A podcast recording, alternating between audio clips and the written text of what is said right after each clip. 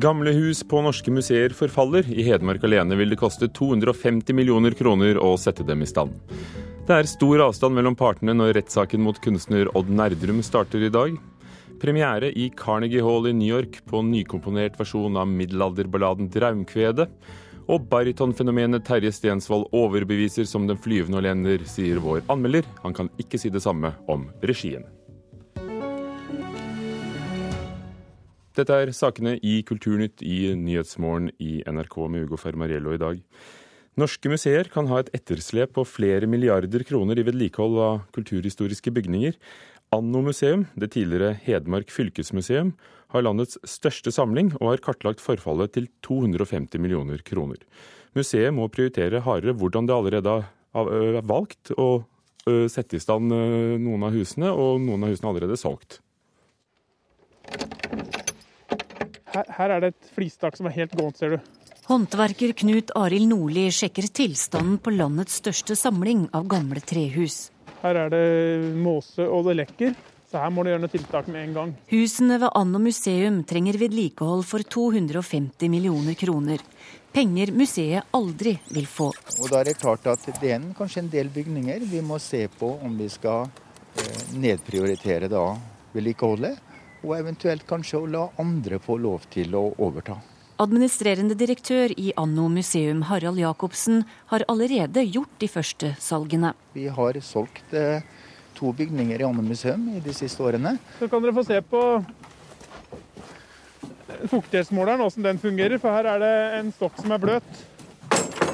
Råtne tømmerstokker og lekkasjer er resultat av mange års forfall og påvirkning av vær og vind. Her, her er det da Akkurat nå er det over 30% fuktighet i tømmeret her. Og museet i Hedmark er ikke alene om problemet. Norske museer eier 5000 kulturhistoriske bygninger, så det totale vedlikeholdsbehovet er enormt. Vi vet at, at en stor del av de 5000 bygningene museene eh, håndterer, er ikke tilfredsstillende registrert, og at mye av de har problemer med bevaringsforhold og, og istandsetting osv sier leder for museumsseksjonen i Kulturrådet, Espen Hernes. Her kjenner dere tydelig, her er det, her er det helt lealøst. Så her er det en råteskade inni. Jobben Knut Arild har gjort, viser at det ved museet i Hedmark vil koste en halv million kroner i snitt å sette bygningene i skikkelig stand. Overføres det til landsbasis, vil det si at forfallet er på 2,5 milliarder. Her er det selvfølgelig enkelt å begynne å gange opp. Eh, nå kjenner ikke jeg helt til grunnlaget til Hedmark fylkesmuseums eh, gjennomgang men, og de tallene, eh, så det, det, kan ikke jeg kommentere direkte. Men at det er store tall, er ingen tvil om. Det er jo veldig trist at det blir sånne høye tall, men det skyldes jo flere generasjoner med forsømt vedlikehold. Oi, her var det hurt. Museene må prioritere hardere hva de vil samle på, mener Kulturrådet. Det er viktig, fordi hvis museene skal gjøre alt like godt av alt de har av bygninger og gjenstander, så er det ikke ressurser til det. Direktøren i Hedmark innser at det årlige vedlikeholdsbudsjettet ikke holder tritt med forfallet. Salg av enkelte bygninger er ett alternativ. Enklere og rimeligere vedlikehold et annet. Her er det lagt på et blyblekktak bølgeblekktak det har opprinnelig vært et flistak. Det vil også være en eh, klar eh, mulighet eh, på å kunne greie å opprettholde de. At vi stiller litt ulike krav til hvordan vi vedlikeholder bygningene. Så det er også en mulighet. Men det er klart at det er jo de valgene vi nå skal gjøre. Hva skal vi ivareta på en ordentlig måte fremover? Det, den dommen på det, det vil jo det være fremtida som skal gi. Og det synes jeg er et tungt ansvar å ha på mine skuldre sa direktør ved Anno museum i Hedmark, Harald Jacobsen, til reporter Torunn Myhre.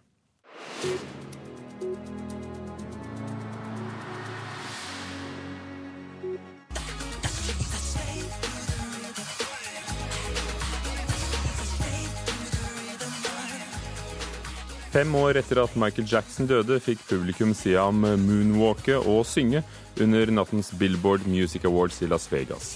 Flere i salen tok til tårene da et hologram av Jackson sang 'Slave to the Rhythm'. Og det var da også en av Jacksons store fans som den stakk av med flest priser i natt. Justin Timberlake fikk hele syv, bl.a. for beste artist.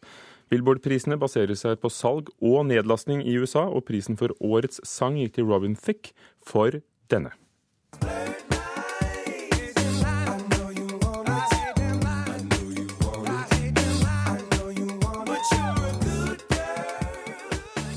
Fra Las Vegas til Norge. Teaterforestillingen 'Silakant' Silekant av Allan Lucian Øyen er nominert til fire Hedda-priser.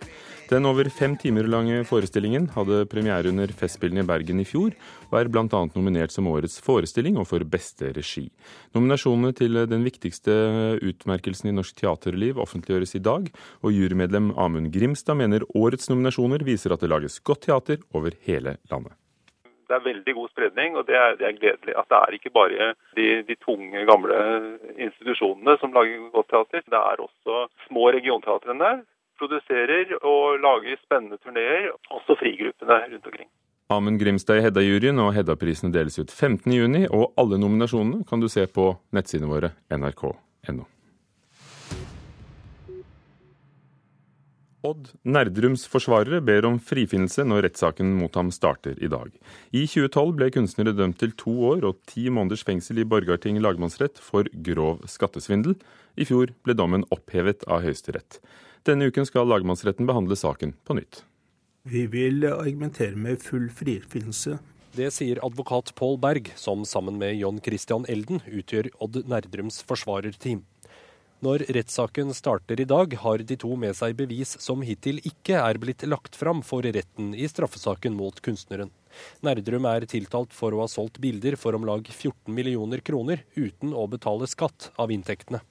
Berg mener den nye dokumentasjonen viser noe helt annet. Det som er et faktum, er at det er to sjekker på til sammen 2000 dollar som ikke er oppgitt. Men eh, tiltalen eh, har et utgangspunkt i 2 millioner og 3000 dollar. Og på det grunnlag så vil vi begjære frifinnelse. Dokumentene som ble gravd fram av Dagbladet, består bl.a. av bankutskrifter og ligningspapirer, som ifølge forsvarerne viser at Nerdrum har betalt skatt av inntektene sine. Det som er, kan være et eh, spørsmål er om han har oppgitt inntektene til rett tid, eventuelt til rett land. Det er ikke et grunnlag for at man skal komme i fengsel for skatteunndragelse.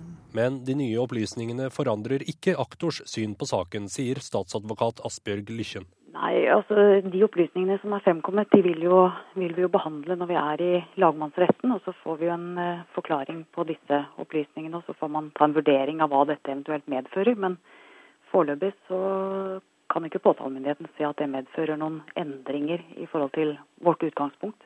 Og påtalemyndighetens utgangspunkt er at Odd Nerdrum har gjort seg skyldig i et grovt skattesvik. I 2012 dømte lagmannsretten kunstneren til to år og ti måneder i fengsel. I fjor ble dommen opphevet av Høyesterett, som mente den var for dårlig begrunnet. Dermed ble straffesaken sendt tilbake til lagmannsretten, og i dag starter altså rettssaken mot ham på nytt. Odd Nerdrum selv er sliten av alle rettssakene, sier advokaten hans. Hele prosessen har vært en voldsom belastning for ham. Men eh, for ham så vil det være en eh, befrielse å bli ferdig med hele saken. Og reporter var Halvor Haugen, og det er satt av fem dager til rettssaken i Borgarting lagmannsrett. Kulturkommentator i NRK, Agnes Moxnes. Det er andre gang saken skal behandles i lagmannsretten. Har Odd Nerdrum en sterkere sak denne gangen? Uh, ja, det får vi jo se når, når aktor, eller forsvarere legger frem uh, saken sin uh, i dag. Det blir interessant å følge det. Dette er jo faktisk sjette gang skatteforholdene til Odd Neidrum er oppe til doms. Det har vært fire saker som gjelder denne straffesaken som starter i dag, som er reist av skattemyndighetene. Og så er det to saker som er reist av Odd Neidrum selv mot skattemyndighetene. Og Det som kan være bra for Odd Neidrum, det er at selv om han har tapt i alle instanser, så har dommerne vært veldig uenige om fakta i, i saken. Så det er blitt en slags sånn tolkningssak hvor mye penger han har tjent, og hvor mye han egentlig har betalt i, i skatt. Så Derfor så vil jeg tro at de dommerne som er på plass i dag, er nok veldig skjerpet. Og så vil jeg tro at hovedutfordringen for eh, Forsvaret det blir å legge frem saken på en så forståelig måte som overhodet mulig. Hvordan kan det ha seg at det er så stor avstand i virkelighetsforståelsen, i forståelsen av selve fakta i denne saken mellom, mellom påtalemyndighetene og det er vel ikke helt uvanlig at aktorat og, eller påtalemyndighet og forsvar, Forsvaret har ulikt syn, men, men, her spriker det jo voldsomt. Aktoratet mener at han har unndratt eh, beskatning for 14 millioner kroner, mens eh, Forsvaret mener at det er snakk om kanskje 15 000 kroner. 14 000-15 000 kroner. Eh, han er dømt for, eh, til to år og ti måneders fengsel forrige gang denne saken var oppe i lagmannsretten. Eh, forsvarerne går jo, som vi hørte her nå, for full frifinnelse. Så spriket er stort, ja. Odd Neidrum har hentet inn en ekstra forsvarer, den ikke ukjente advokaten John Christian Elden, før saken åpner i dag. Hvorfor? Det er jo litt sånn finaleløp over det som skjer i, lagmannsretten denne uka. For han kan, Odd Nerdrum kan jo ikke fortsette å anke disse dommene. Han har jo altså så langt ikke blitt uh, trodd. Så, så, det som har skjedd nå, er vel at Odd Nerdrum rett og slett har toppet eh, laget sitt. Han har eh, jobbet med skatterettsjurist eh, Pål Berg i flere runder. Han blir med han nå også, men den som antageligvis kommer til å føre ordet i, i rettssaken denne uka, er jo den ytterst drevne rettssalsretorikeren Jon Christian Elden. Og hans oppgave blir jo da å, å klare å, å få eh, eh, aktoratet og dommere til å, eller dommerne da, til å, å tro på deres eh, forklaring på denne saken. Takk skal du ha, Agnes Moxnes.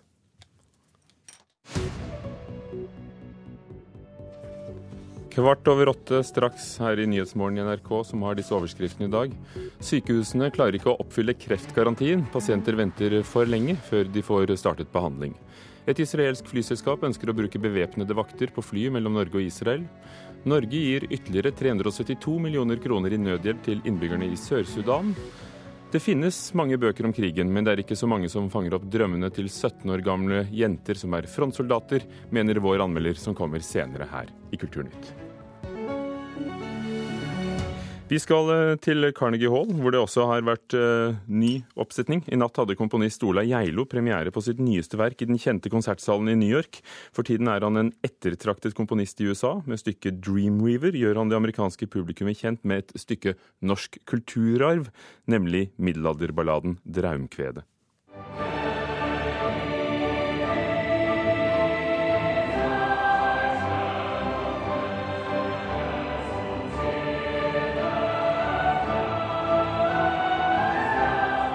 Det er ikke umiddelbart mulig å høre at 'Dreamweaver' opprinnelig er et norsk dikt tonesatt av en norsk komponist. Men det har heller ikke vært målet til Ola Geilo. Det som inspirerte meg mest, var nok det veldig sånn episke eh, preget i den teksten, som er, eh, minner kanskje litt om eh, Dantes 'Den guddommelige komedie', bare ufattelig mye kortere. Så jeg elsker den, det veldig sånn episke preget, hvor du virkelig forteller en historie. Geilo har samarbeidet mye med den amerikanske poeten Charles Anthony Silvestri. Han har også gjendiktet drømkvedet på engelsk. Verket er skrevet for kor, strykeorkester og klaver. Søndag kveld var det de to korene Manhattan Choral og Symphonic Chorus som sto for fremføringen sammen med New York City Chamber Orchestra. Dirigenten Craig Arnold setter stor pris på å ha blitt kjent med drømkvedet og persongalleriet Geilo har bygget opp musikalsk. For me, it has been wonderful to become familiar with this poetry that I understand is quite well known in Norway but was new to me. And of course, this particular translation and poetic version is new to all of us. So it's a great opportunity to have excellent poetry so well uh, translated and then set with a variety of characters. Det er ingen tvil om at Carnegie Hall er en legendarisk konsertsal. Men det viktigste for Ola Geilo er at det er et godt sted å spille. Dreamweaver har også blitt skrevet med tanke på at det nettopp var her urpremieren skulle være. Eh, fantastisk akustikk der, eh, og veldig nesten ikke dårlig, dårlig sete i hele salen, så det, det er jo et fantastisk sted å, å spille. Og, eh, og, det er klart, det er jo også morsomt. Det er, det er et veldig sånn prestisjefylt sted. Uh, man skal, ikke, skal innrømme det, at det er alltid litt spesielt, ekstra spesielt med, med Carnegie Hall. Så Og jeg syns også det er, det er alltid veldig artig å ha så utrolig flotte musikere som, som framfører det også. Det er noe jeg setter veldig, veldig pris på.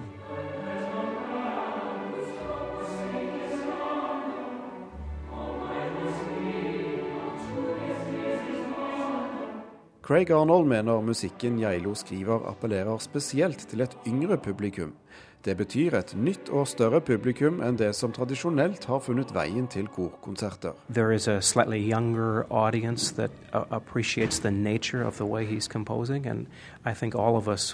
like to imagine that we're finding ways to increase audiences for choral music, and I, I, I think that's true, and I think that's why his music is commercially doing very well in the United States. He's certainly uh, among the top uh, popular choral composers in the country.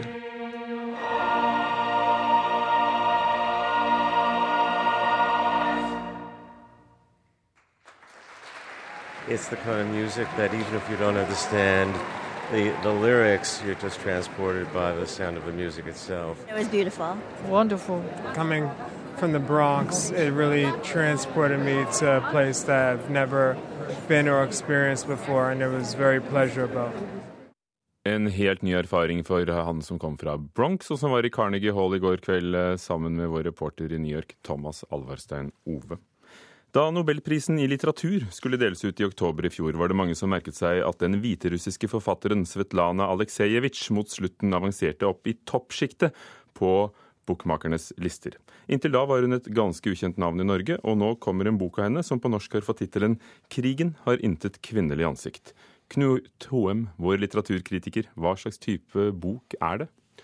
Det er en samling med intervjuer som Aleksejevitsj gjorde med kvinner som deltok som frontsoldater i Den røde armé under krigen. Og de var det veldig mange av, det er over en million. Og det Aleksejevitsj har gjort, er at hun har reist rundt til disse kvinnene tidlig på 80-tallet. Og da var jo de, eh, hvis de var 17-18 da krigen eh, begynte, så var de vel da i 60-årene. Da hun møtte de, reiste rundt på kjøkkener eh, rundt omkring i Minsk og i Moskva og snakket med de. Og dette var kvinner som ikke bare hadde tatt, inntatt de tradisjonelle militære kvinneyrkene, men de var skarpskyttere, de var kanonkommandører og mitraljøseskyttere. Så eh, hun satt da med hundrevis av timer med intervjumateriale innspill på kassettspilleren sin, som hun da bearbeidet til denne boken. Og av alt dette, hva er det Aleksejevitsj har eh, tatt med i boken? Nei, Hun har gått inn i det med en veldig tydelig agenda. Det skal være kvinnenes fortelling, som hun mente er blitt helt fullstendig var helt usynliggjort i den sovjetiske krigsfortellingen da, for da er vi jo tidlig på 80-tallet i Sovjet. Hun tar ikke med sine egne spørsmål, og tar oss veldig mye inn i den refleksjonsprosessen hun hadde i forhold til å finne en litterær form som var i stand til å fange opp det som hun kaller størst mulig tilnærming til det sanne livet. Og det som blir igjen, det er eh, en kvinneerfaring som til dels er helt forferdelig å lese, rett og slett. For det er historier fra fronten som er en slags reise ned i helvete og tilbake igjen. Dette er jo dokumentarbøker skrevet i en klassisk eh, journalistisk stil. Kan du forstå at hun havner så høyt oppe på listen over kandidater til nobelprisen i litteratur?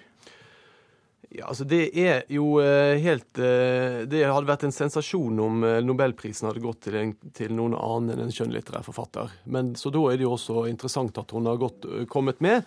Eh, det er veldig eh, Hun skrev flere bøker laget over samme lest, bl.a. en som heter 'En bønn for Tsjernobyl', som var intervjua med Tsjernobyl-ofre. Også der er det om å gjøre å finne historier som ikke er blitt fortalt før.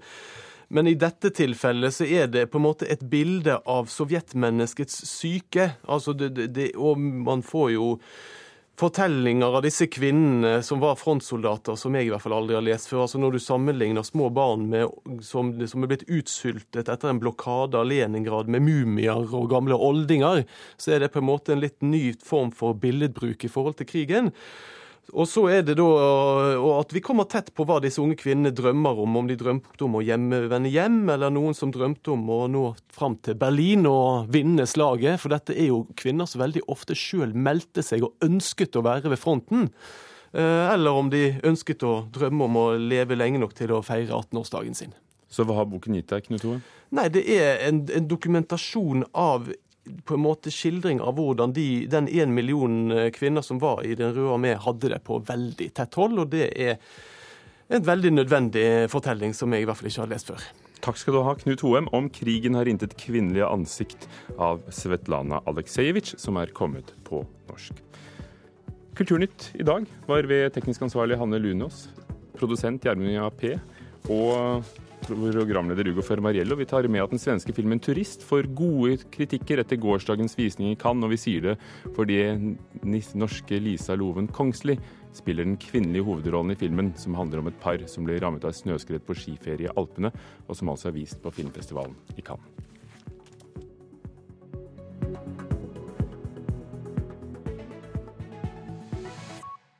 Hør flere podkaster på nrk.no podkast.